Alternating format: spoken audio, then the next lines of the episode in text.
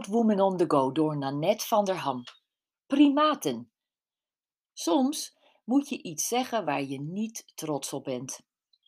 Ik wist bijvoorbeeld niet dat wij mensen tot de primaten behoren.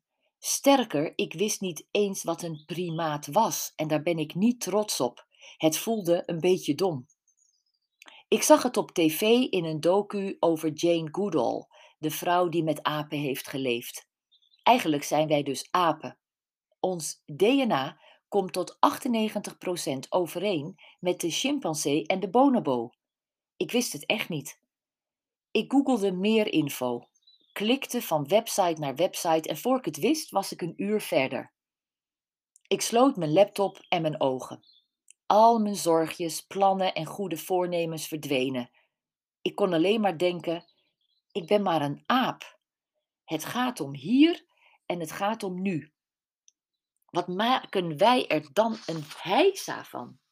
Als een doorgeslagen en doorgefokt apensoort zijn we een karikatuur van onszelf geworden. Ik ging naar buiten en stapte op mijn fiets, naar de boekwinkel voor een cadeautje. De verkoopster, mijn leeftijd, had ik een tijdje niet gezien. Hé, hey, zei ze, hoe is het met jou? Je ziet er goed uit. Van haar kon ik dat niet echt zeggen. Wanneer krijgen we weer je nieuwe boek in de winkel? Ik zag mensen kijken en probeerde de aandacht naar haar te draaien. Hoe is het met jou dan? De tranen sprongen in haar ogen. Vraag het niet, ik moet nog tot vijf uur doorwerken, stamelde ze. Instinctief pakte ik over de toonbank haar hand. Sorry.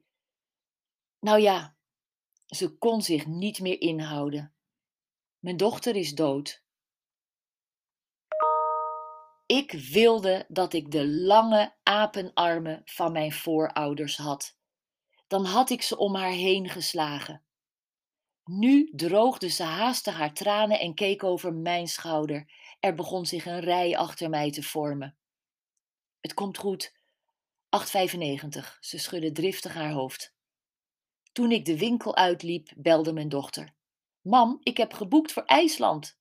Ik hoorde haar opwinding. Oeh, ah, oeh, ah, oeh, protesteerde mijn bange moeder aaphart. Maar als een wijze bonobo zei ik hoe geweldig en spannend ik het voor haar vond. De wetenschappelijke naam voor primaten is primates, eersten. Wij zijn opperdieren.